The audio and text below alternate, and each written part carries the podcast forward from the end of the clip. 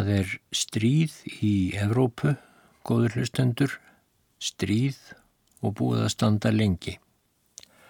Stór svæði eru sem skaðbrunnin vígvöllur, glottandi hauskúpur gæjast upp úr sverðinum, reykur stígur til himins, beisk nálikt í loftinu, gammadnir, þeir eru hressir. Þá er Vagni ítinn á sviðið, hann er fullur af alls konar dóti, matarbyrðum einhverjum, fatnaði, skrani, ímislegu, kannski vopnum og verjum líka, ég veit það ekki. Konan okkur, miðaldra, stýrir ferð vagnsins inn á sviðið, hún er narreist og kvik, nokkur miskuömmul börn eru í ferðmeðinni, vagnin staðanæmist, hermenn alls konar hafa skindilega dúkað upp, eins og upp úr vigvellinum. Þeir eru ímislega á sig komnir. Konan og börnin draga varninga vagninum, sína og hampa. Þau eru greinilega að selja þetta, nánast á miðjum vigvellinum. Þá standa þau í þessari sölumensku. Konan, narreistjá og síkvikul skimar í kringum sig. Er stríðið nú að skólast upp að vagni hennar og börnum hennar? Hvar er stríðið núna? Einhvern veginn þannig ímynda ég mér að muni hefjast leiksýning sem brátt verður frumsýnd í þjóðleikúsinu. Þannig hefst leikritið allavega á bók, Múta Courage og börn hennar eftir Berthold Brecht og Margarete Steffín. Leikritið var lengst af kent við Brecht einan en þegar kom í ljósum síður hver mikið Margarete Steffín, samstarskona Brechts, hafði lagt til málanna við skriftirinnar þá hefur þótt sangjant að nefna þau bæði sem höfunda og svo verður ógert þegar tjaldið verður dreyið frá hér á stóra sviði þjóðlikúsins bráðum. Múta Kúrás og börn hennar, leikurinn gerist í stríði eins og ljóstmáver orðið. Hún þvælist um með vagnin sinn, eldir hersveitir um vigvelli og eidilegar sveitir, reynir að selja hitt og þetta hafa í sig og á og fæða með því börnin sín.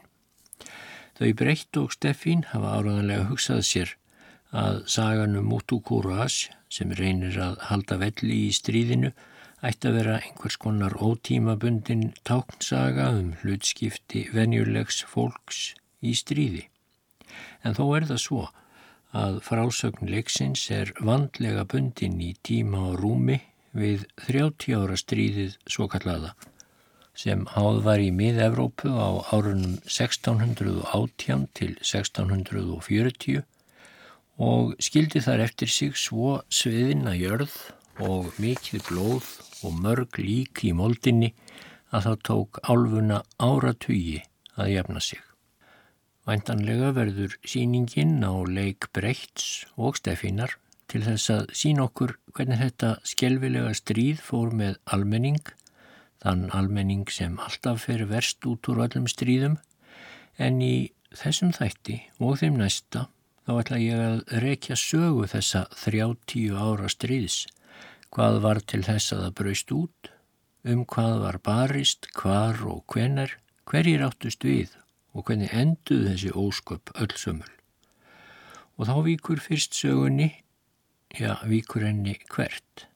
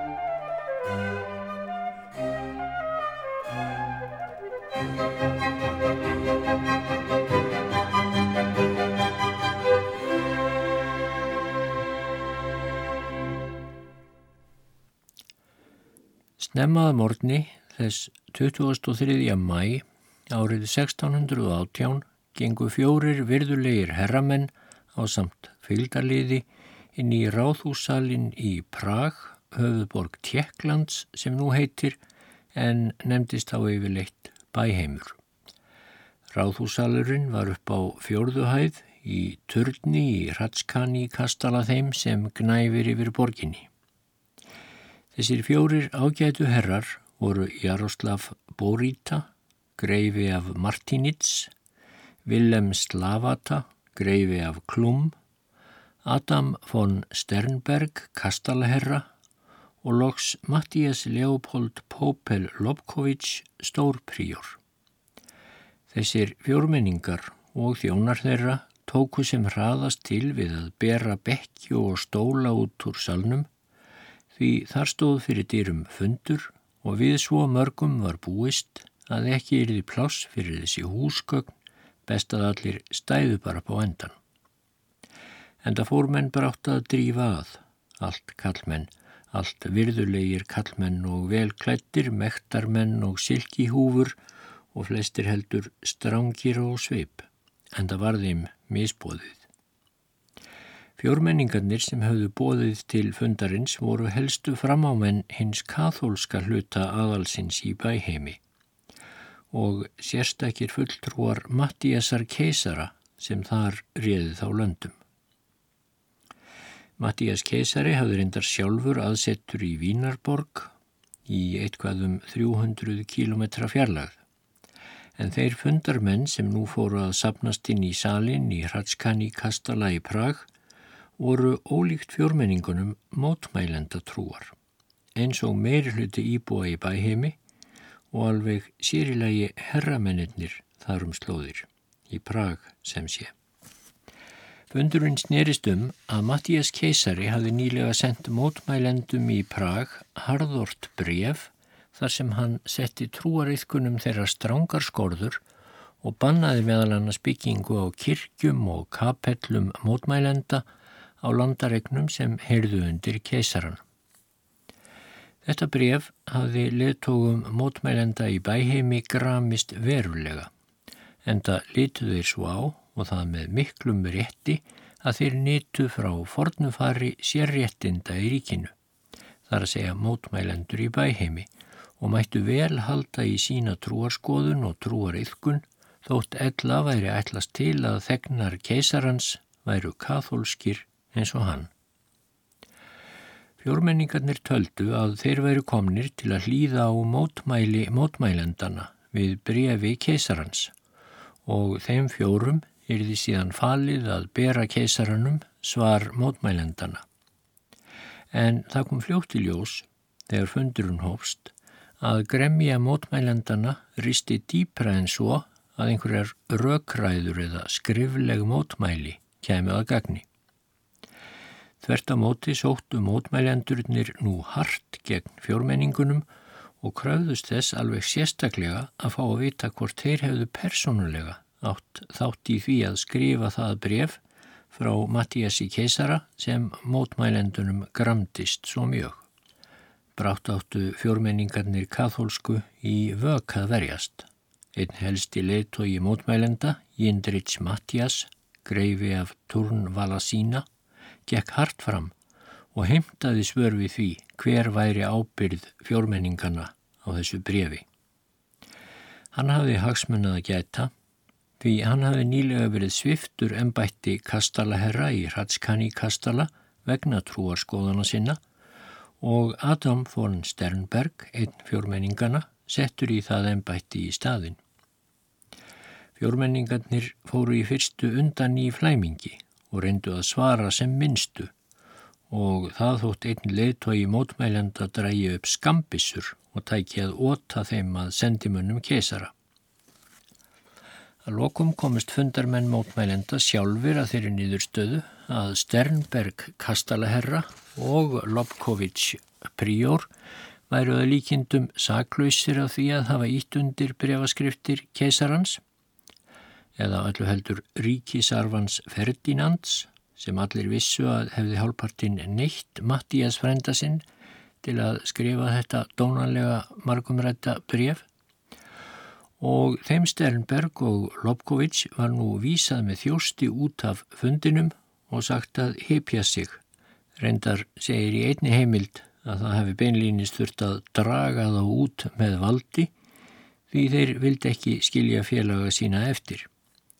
En hinnir tveir sem eftirurðu, kathólsku greifarnir, Martínits og Slavata, þeir sáu þá sitt óvætna og játuðu að hafa átt þátt í að setja saman brefið í nafni Mattíasar keisara og áttu greifarnir tveir nú vona á því að þeir eru settir í fangelsi þar í kastalanum.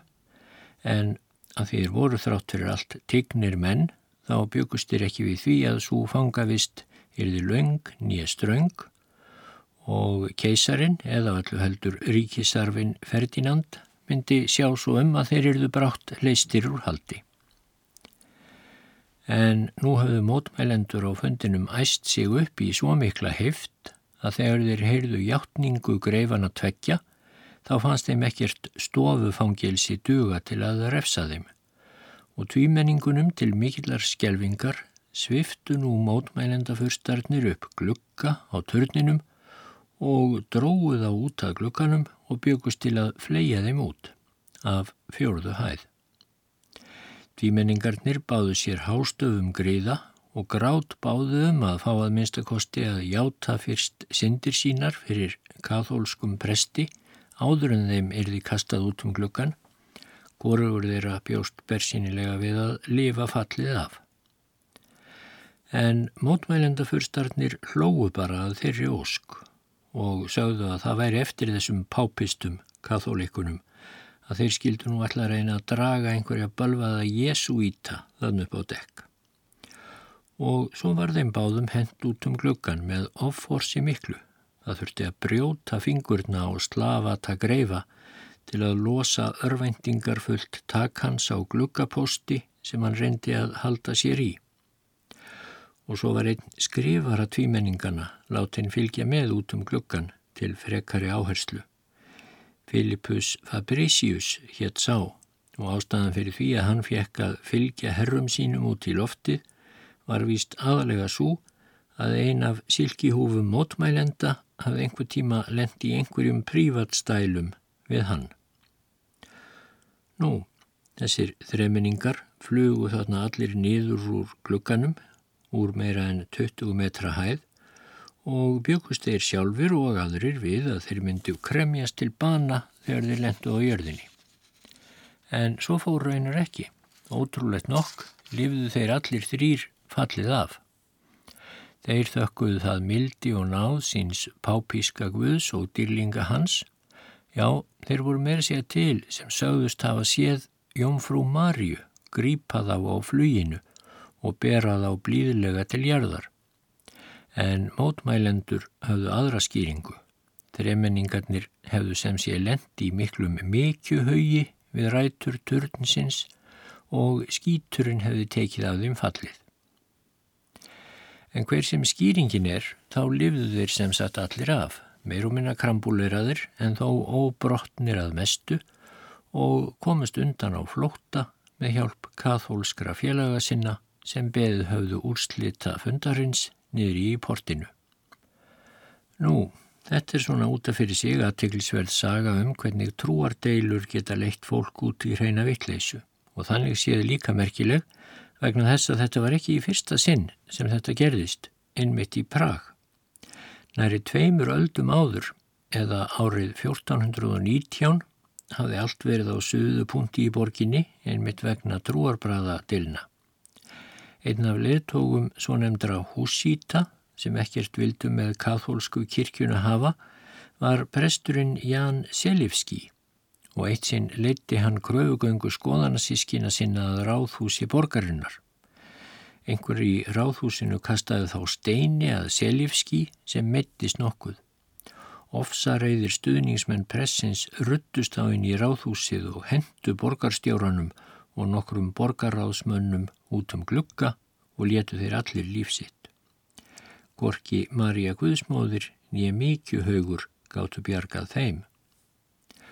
Rúmum 60 árum eftir þetta, 1483, þá átti sér aftur stað mjög svipaður atbyrður í Prag og nokkrum nágrannaþorpum.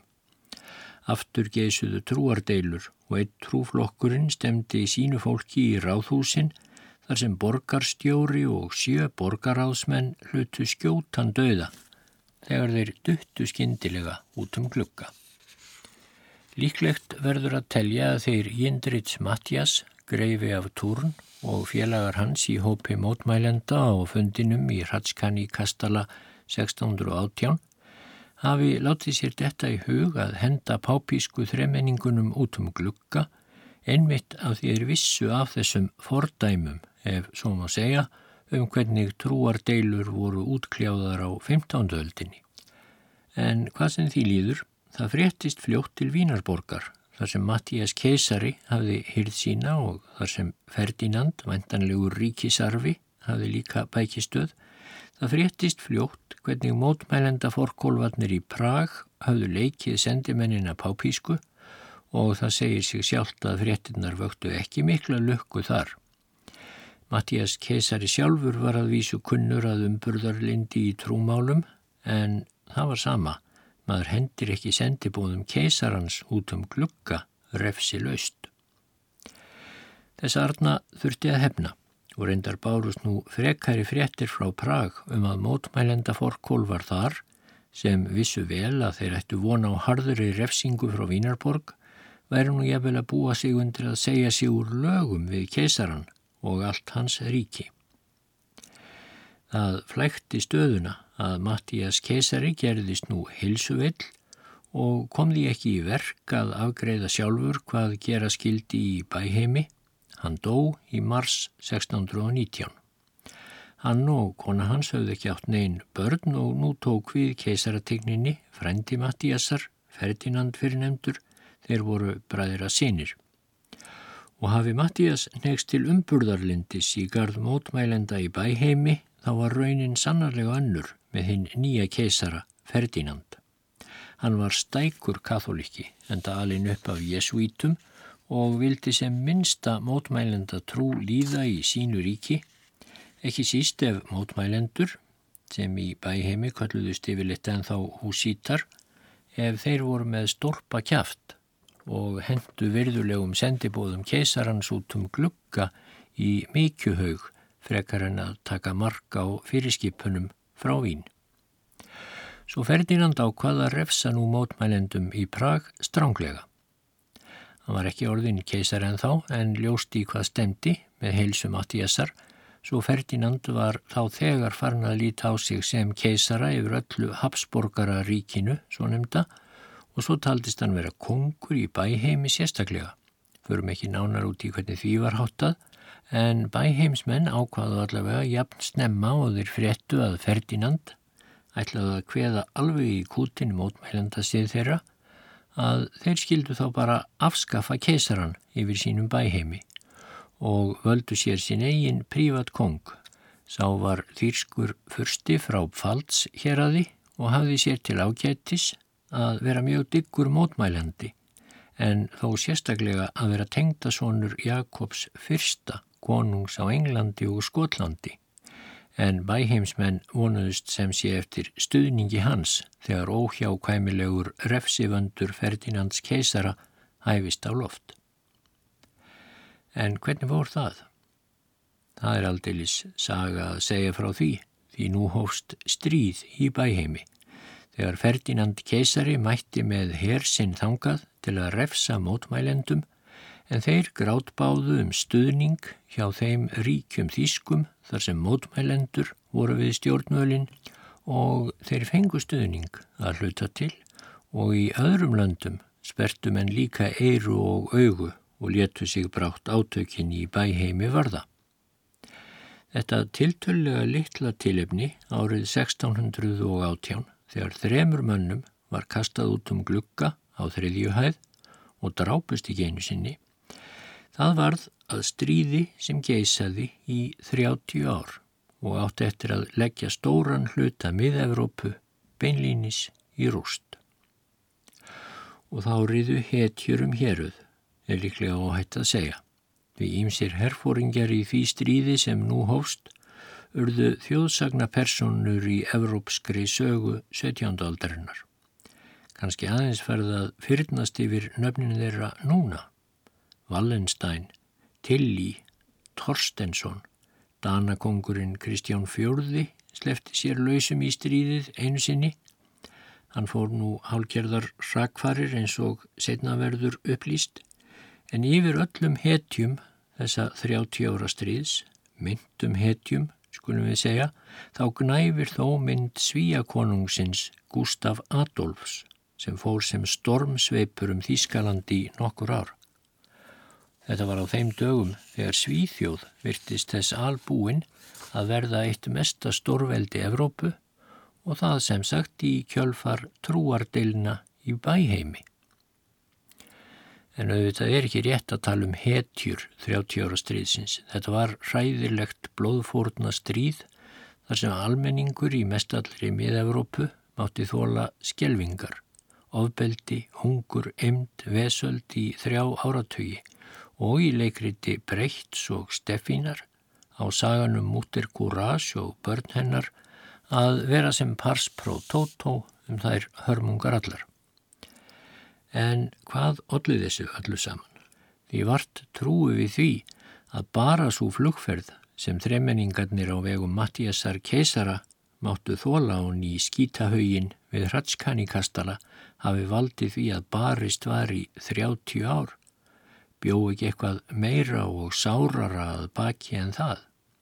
Jú, vissulega, það bjó meira að baki. Og nú lítum við á það. Skoðum fyrst landakortið í huganum. Landakortið, já, hvernig leitt það út árið 1618? Í grófum dráttum var landaskipan í Evrópu þarna í upphafi 17. öldar nokkurn veginn svona. England var á sínum stað og komið með Skotland, Írland og Wales undir sinn ægis hjálm svo Bretland var í rauninni orðið til og leiðinni að verða talsvert siklingaveldi. Það gekk ímislegt á þar á 17. öldinni en landi kom þó lítið við sögu 30 ára strísins. Svo hér með eru brettar að mestu úr sögunni. Í Fraklandi hafði Búrbónættin komist til valda á síðasta áratug 16. aldar og nú var kongur þar Lóðvík 13. Almenningur núldags þekkir hann kannski best fyrir þá sög að sögur Aleksandri Duma um skitturnar þrjár og vinn þeirra D'Artagnan gerðust á valdatíð þessa 13. loðvíks.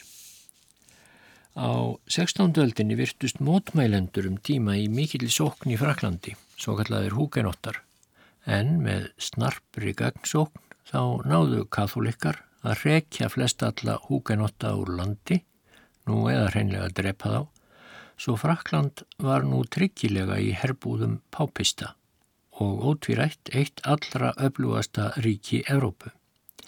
En Frakland átti eftir að koma með ansi óvæntum hætti við sögu 30 ára stríðsins, engum þegar leið á þann hildarleik. Á Íberjuskaga voru Portugal og Spán í samkrulli um þessar myndir og söður hluti Ítalju á samt eigunum Sikilei og Sardiníu Þær fjallu líka undir Spán á samt héræðinu kringum Mílanó og Norður Ítalju og svo átti Spán lendur mjög víða um heim í Ameríku, Afríku og Asíu. Á Spáni hafði hinn austuríska Habsborgarætt farið með völdin í meirinn hundrað ár og var í nánum tengslum og þá meina ég mjög nánum tengslum sem er myndið segja allt of nánum tengslum við þá frendur sína sem réðu lendum Habsborgara í mið-Evrópu og ég segi nánar frá að vörmu spori. Þau tengsl þessara tveggja greina Habsborgara ættarinnar á Spáni annarsvegar og í Þískalandi og Östuríki hinsvegar, þau voru ekki bara pólitísk. Heldur var blóði blandað ósparlega, svo stappaði næri sifjaspellum og endaði með nokkuð skuggalegri innræktun sem við förum nánar út í á eftir. En spænsku hafsborgarnir hafðu líka haft mikil ítök á niðurlöndum svo nefndum og áttur endar í langvinnu stríði þar sem stóði áratögi. Norðurpartur Nýðurlanda var mótmælendatrúar og vildi ekkert með hennar kathólsku spánverja hafa. Þar höfðu menn líst yfir sjálfstæði og var ríki mótmælenda þar orðið all þróttmikið þótt ekki verða fjölmend. Holland kvöldu við það nú. Í síðri hluta Nýðurlanda heldu bæði spánverjar og katholikar en velli. Þar heitir núna Belgia. Á Norðurlöndum voru tvö ríki. Danmörk með Noreg og Íslandi í farteskinu og svo Svíþjóð. Þau voru bæði orðin tryggilega lútersk, bæði heldur fámenn en vildu samt og gáttu jafnvel látið fyrðu mikið að sér hveða. Danir voru að verða nokkurt siklingaveldi undir stjórn hins svipmikla kongs Kristjáns fjörða en svíjar nutu þess ekki síst hvað er áttu miklar námur á járni og öðrum góðmálmum vopn úr sænsku stáli þóttu afbrað annar vopna og Gustaf Adolf kongur sem tók við á táningsaldri 1611 stóð allt frá byrjun í ýmsum skærum og stríðum svo að sænski herin var að verða vel þjálfaður og sleipur í mandrápum. Eitt af stríðunum sem Gustaf erfði frá föður sínum þegar hann tók við konungskrúnunni var gegn Pólandi en sambandsríki Póllands og Litáans var þá eitt stærsta ríki Evrópu. Náðu til dæmis yfir góðan hluta hinnar núverandi Úgrænu. Pólland, engum vesturhlutin, var enn kathólst upp til hópa en í eistri hlutanum aðhyldust menn réttrúnaðar kirkju hins gamla kænugarðsríkis. Pólverjar komu förðu lítið við sögu 30 ára stríðsins, þótt hart væri barist í næsta nákrenni við þá svo ég lætt sögu þeirra líkjað mestu milli hluta sem og sögu Rúslands sem var mjög að eflast í eistri byggðum Evrópu.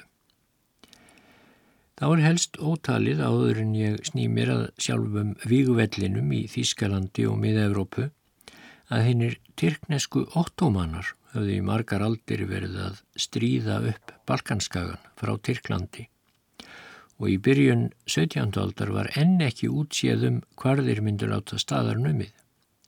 Þó virtist sóknar þróttur Tyrkja smám saman að dvína og óttinu í Tyrki dögði allavega ekki lengur til að ebla samstöðu ríkjana í mið-Evrópu. En Tyrkir réðu um þessar myndir Greiklandi, Albaníu, Júgoslavnisku ríkjunum svo nefndu nema Kroatíu. Tyrkir réðu líka langstæstum hluta Ungverjalands, en fremur Rúmeníu og Búlgaríu.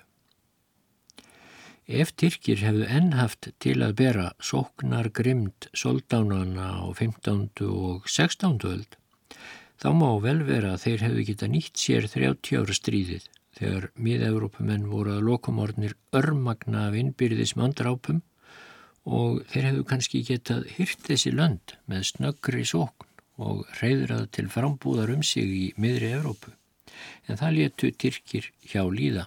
Hafðu sennilega ekki lengur þreg til slíkra stórræða.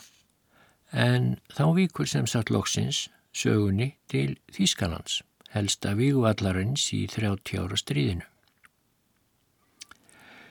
Árið 800 eftir Krist hafði Karl Peppinsson, konungur í Frankaríki fyrir ennara Fraklands, verið kryndur til keisara þegar hann átti leiðum Rómaborg til að styðja við bakið á páfanum Leo III sem þá áttu undir höggað sækja þar í borginni. Keisaratign Karls Peppinssonar var fyrst og fremst bellibrað Leos páfa til að tryggja sér liðveislu kongsins í valdabaráttu og týperbökkum. Nýlega að verði ráðist á páfan á almanna færi og bóvar reyndu að skera úr honum tunguna og stinga úr honum augun. Slíkir menn þurfa bersýnilega á öflugum vandamannum að halda. En ekki þarfirir, Karl Peppinsson, frankakongur, var vissulega búin að heia með stöðugum hernaði í áratögi í svo víðlendi ríki að hann verðskuldaði svo smálveg keisarategn. Fyrir utan Frakland og spildu á Spáni þá hafði Karl þessi kongur náð undir sig mestöllu hinnu núverandi Þískalandi Bæheimi eða Tjekklandi, hinn er núverandi Östuríki og mestöllu Ungverjalandi og hann reði líka hálfri Ítalíu allt söður til Rómar. Auk keisarategnar var Karl Peppinsson líka semdur öðru tegnarheiti þótt bara væri í vitund fólks þá og allar göttur síðan. Hann var kallaður Karl Mikli eða Karólus Magnus eða Karla Magnús upp á íslensku. Að því Páfi og fleiri vildu líta svo á að nú væri Karla Magnús búin að endurreisa Rómaveldi í vestri sem hafi geispað gólunni meir en 300 árum fyrr Þá var ríki Karls hérðan í frá kallað í fyrstu Rómarríki. Fljótlega eftir að Karlamagnús dó tók ríki hans að klopna og í grófum dráttum klopnaði megin hluti þessi tvent, annars vegar var Frakland og hins vegar Þískaland. Og svo fóru af ýmsum ástæðum að keistaratitillin fylgdi hæstráðendum Þískalands en yfirbóðarar Frakka léttu sér áfram duga að heita kongar. En þótt keisari þessa setni tíma Rómaríkis sem brátt var farið að kalla heið heilaga rómverska ríki en orðið heilagur var til marksum að þessir keisarar gerðu lengi vel tilkall til yfiráða yfir henni heilugu Rómaborg, höfuðstað hinnar heilugu kirkju Krists. Nafnið á þessu mynda þýska keisararíki, heið heilaga rómverska ríki, var fullkomið rángnefni eins og franski heimsbyggingurinn Voltaire er sagður hafa bent á löngu síðar. Það var korki heilagt, nýja rómverst og ekki einu sinni raunverulegt ríki. Af ýmsum og flóknum ástæðum fór nefnilega svo að á því stóra svæði sem við köllum nú Þískaland og var svo sem líka kallað Þískaland eða Germania í þá daga, þá varð ekki til heldstætt og saminað ríki. Fólk talaði vissulega þýsku eða þýskar mállískur á þessu stóra svæði og átti mikið til sameinlega menningu og hugarheim en flæmið skiptist í nærri óteljandi smáríki og héruð sem lítið vildu hafa hvað með annað pólitíst. Það réðu fyrstar og prinsar og hertogar og barónar og jafnvel kongar á stökustad en hver stjórnaði sínu svæði. Öll eða flest öll töldust að vísu vera innan hins heilaga rómverska ríkis og mörg hver játuðu yfirráð keisarans yfir sér en þegar tilátt að taka þá var allur gangur á því hver mikið mark hinn ímsu ríki og héruð tóku á keisaranum á hverjum tíma. Formlega séð gekk keisarategnin ekki í arf eins og týðkast með hinn æðstu metorð heldur komu nokkrir helstu héraðshöfðingjar og kirkjuleðtógar saman þegar keisarin dó og kusu nýjan kesara. Kjörfurstar voru þeir kallaðir, furstarnir sem fengu að taka þátt í því kjöri. Raunin var þó yfirleitt svo að ef sonur stóð til bóða að keisara látnum þá ótt hann yfirleitt greiða leiði í keisarastólinn. Ímsarættir skiptust á um keisarategnina á hinnum efri miðöldum en árið 1440 hafði heið ímyndaða hásæti keisarans staði tómt í nokkur ár en þá var Fridrik nokkur kjörun keisari. Fridrik þessi hafði verið hertogi í Östuríki. Östuríki var þá bara talið eitt af hinnum þýsku smáríkjum og héröðum sem fjallu undir hið heilaga rómverska ríki. Fridrik var að vætt svo nefndra Habsborgara en þeir voru kendir við lítinn Kastala, hins fyrsta Habsborgarahöfðingja í Sviss en ættin flutti sig svo yfir til Östuríkis á ofanverðri 13. öld um samanleitu Íslendingar undirgengust vald Noregs konungs svo eitthvað sé nú haft til samanburðar. Nú, fyrir nefndur Fridrik var sem sé fyrsti Habsborgarinn sem varð keisar yfir þessu germanska veldi eins og ég lefi mér að kalla ríkið í stað þess að fara alltaf með þöluna um heið heilaga rómverska ríki. Fridrik af Habsborg satt á valdastóli í 50 ár og hefur í sögunni fengið viðurnefnið hinn friðsami en það stóðan í færri stríðum en germansku keisararnir gerðu yfir leitt. En hann hófst hins vegar handaðum að sölsa mjög aukinu völd undir ætt sína með samningum og hjónaböndum við aðrar valdafjölskyldur í mið-Evrópu. Það varð sérgrein Habsborgara og þannig tegðu þeir brátt ánga ættarinnar til dæmis til Spánar og síðan til Niðurlanda eins og ég nefndi á þann. Árið 1519 tók Karl, sonar, sonar, sonur Friðriks friðsama við keisartegninni í germanska veldinu. En hann var þá þegar orðin konungur á spáni á því að móður hans, Jóhanna Geggjaða, eins og hún var svo skemmtilega kölluð, var eina eftirlifandi barn hinn að frægu konungshjóna á spáni, Ferdinands og Ísabellu. Karl réði þá yfir öflugasta ríki Evrópu, Þískalandi, Bæheimi eða Tjekklandi, hluta Ungverilands, mörgum héröðum á Ítalju, hann réði Spáni og Portugal og vaksandi landsvæðum í Ameríku og víðar. Yfir öllu þessu ríkti hann allt til 1556 þegar Karl steg það óvænt að skref að segja af sér.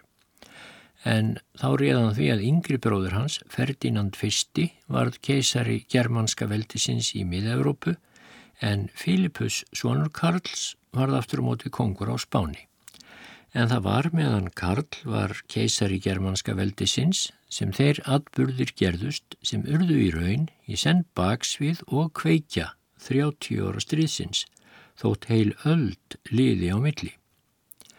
Það var þann 31. oktober 1517 sem halvfertugur þýskur guðfræðingur negldi allangt plagg með 95 efnisgreinum á Hallarkirkjuna svokalluðu í Vittenberg, séfjurlegum smábæ, tæpa 100 km í söðu-vestur frá Berlín. Maðurinn hétt Martin Luther, var bæði munkur og prestur og plaggið sem hann neildi upp að því er sagan segir vakti strax mikla aðtigli. Því það hafði að geima harða árás á kirkjuna sem þá var heilug kýri í Þýskalandi eins og víðast í Evrópu nema reyndar í bæheimi. Lúter hafði fengið nóg af spillingu, auðsöfnun, aflátsbreyfasölu og billegur í Guðfræði Rómarkirkjunar sem og alræði Pávans.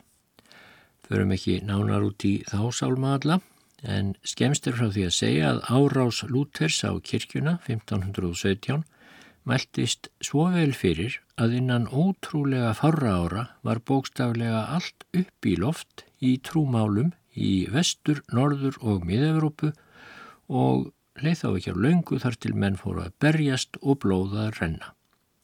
Ónæja með kirkjuna hafði bersínlega kræmað lengi undir niðri svumstaðar og svo sáu ímsir potentátar, fyrstar, prinsar, kongar og því um líkir þeir sáu sér margir hagið því að taka undir mótmæli Lúthers að því hann vildi að kirkjan á hverjum stað liti yfirvaldi verallegra höfðingja ekki páans í róm og svo átt að leggja niður klustur og gera eigur þeirra upptækar, eigur sem oft voru feikilegar og silkihúfur vildu gjannan fá í sjóði sína.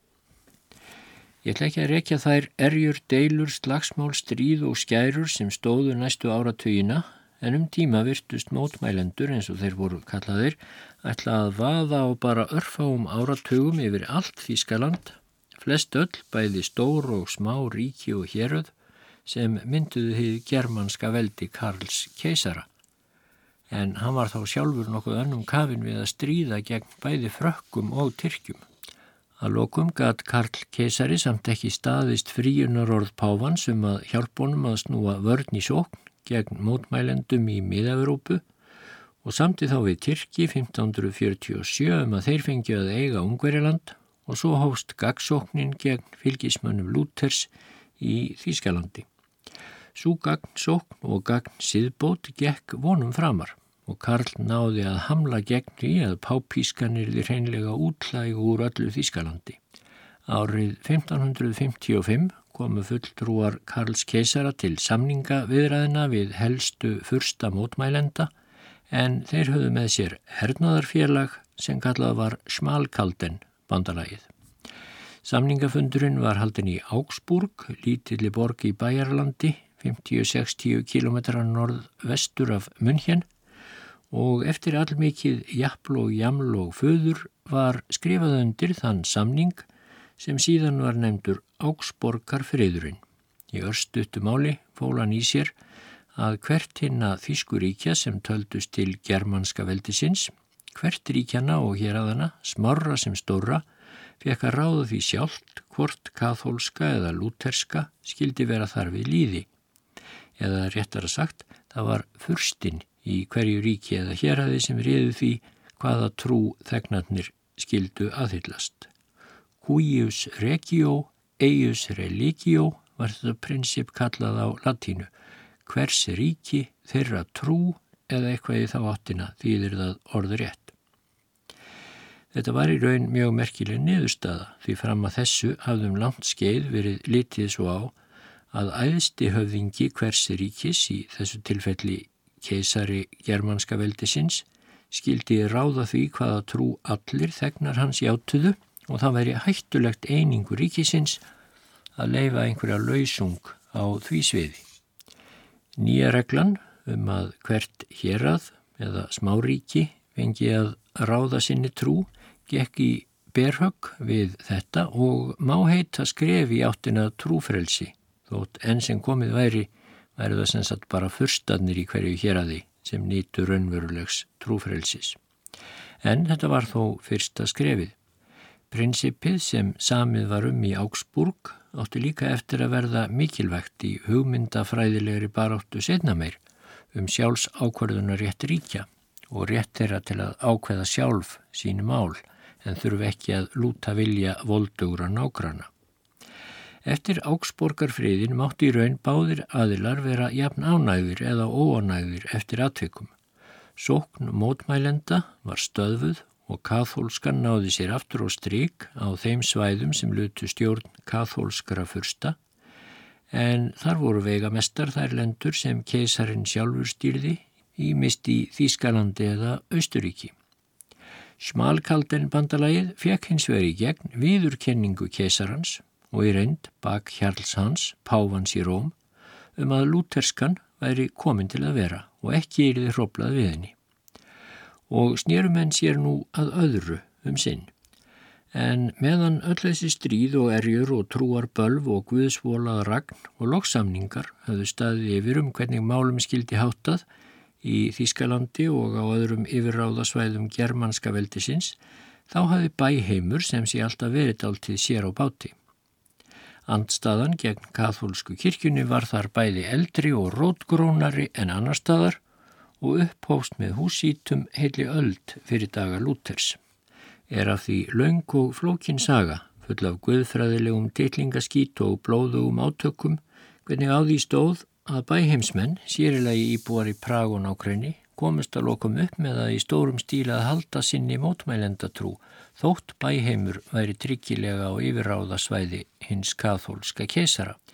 Árið 1609 var Áksborgar friðurinn orðin hálrar aldar gamall og farið að trostna nokkuð úr honum í augum sumra. Þá höfðu mótmælenda barónatnir í bæheimi fengið þáverandi keisara germanska veldisins hinn stórförðulega Rudolf Annan til að skrifa undir sérstakt keisarabref um að þeim skildi áfram heimilt að yfka trú sína eins og þeim síndist. Það stemdi því svo sem ekki í neyn sérstök átök í bæheimi eða mið-Evrópu yfir leitt, trátt fyrir gremju ímissa í henni kathólsku Habsborgara eitt, yfir því að hafa hlift mótmælendum upp á dekk því Rúdolf keisari ætlaði greinilega að halda hlífi skildi yfir mótmælendum allavega í bæheimi. En svo fóruð vandast málið. Rúdolf var farin að sína ímismerkið þess að svo mikla innræktun sem Habsborgarættin stundaði væri farin að skila frekar veikluðum og ráþróta einstaklingum út í lífið. Svo innræktun áttu eftir að enda með ósköpum í henni spænsku grein ættarinnar nokkrum áratugum síðar undir 17. aldarinnar þegar Karl Annar spánarkongur var nánast ósjálfberga vesalingur en þessi ættarbölfun var líka farin að segja til sín hjá Rudolf öðrum.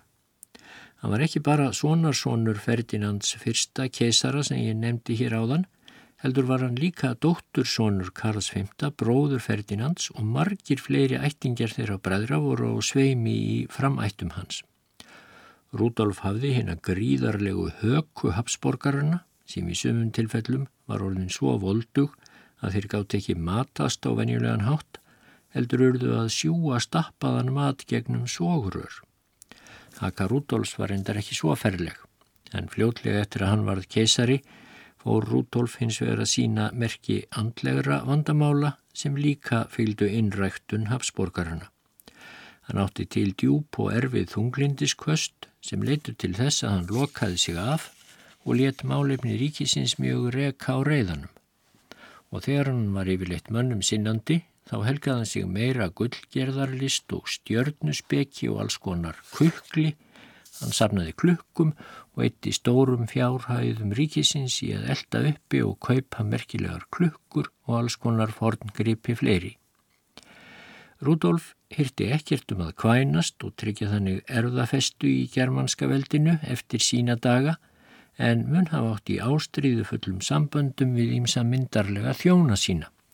Hann átti þó líka ástkonur og með einni þeirra gatt hann són sem endaði eins og persóna úr transilvanískri hryllingsbók. Drengurinn ráfaði um kastalaðan sem fadur hans hafi komið honum fyrir í, fróðufellandi óhreitn og snarvittlaus allur og endaði með því að drepa rakardóttur í kastalanum sem var orðin ástkona hans. Hann skar hann að reyndar í búta. Þá fekk Rúdolf nóg og let loka þennan són sinn inni til æfi loka hans. Vanhæfni Rúdolf sjálf sem keisari átti hins vegar eftir að enda með ósköpum. Hann síndi mótmælendum um burðarlindi eins og framkom í keisarabrefinu sem ég nefndi áðan og munrendar líka hafi verið furðu mildur í gard gýðinga sem ekki allir hafsborgara keisarar voru í þá daga. En hann var hins vegar ekki nægur skörungur til að vilji hans til sátta breyttist út um ættina, hyrðina og stjórnsísluna eiginlega þvert á móti. Það hvað Rúdolf var niðursokkin í úrverk, gang heimintungla og já, innræktun gæðinga, allir því að hardsvíraðir katholikar færðust í aukana í familíunni og þeir settu Rúdolf frá völdum og ætluðu svo að byrja að þjarma að mótmælendum í bæheimi. En það endaði svo með brefinu fræga sem átti að svifta fólk í bæheimi réttindum sínum í trúmálum sem aftur endaði með flugi þryggja manna út um gluggan í Hratskani kastala og 30 ára stríðinu.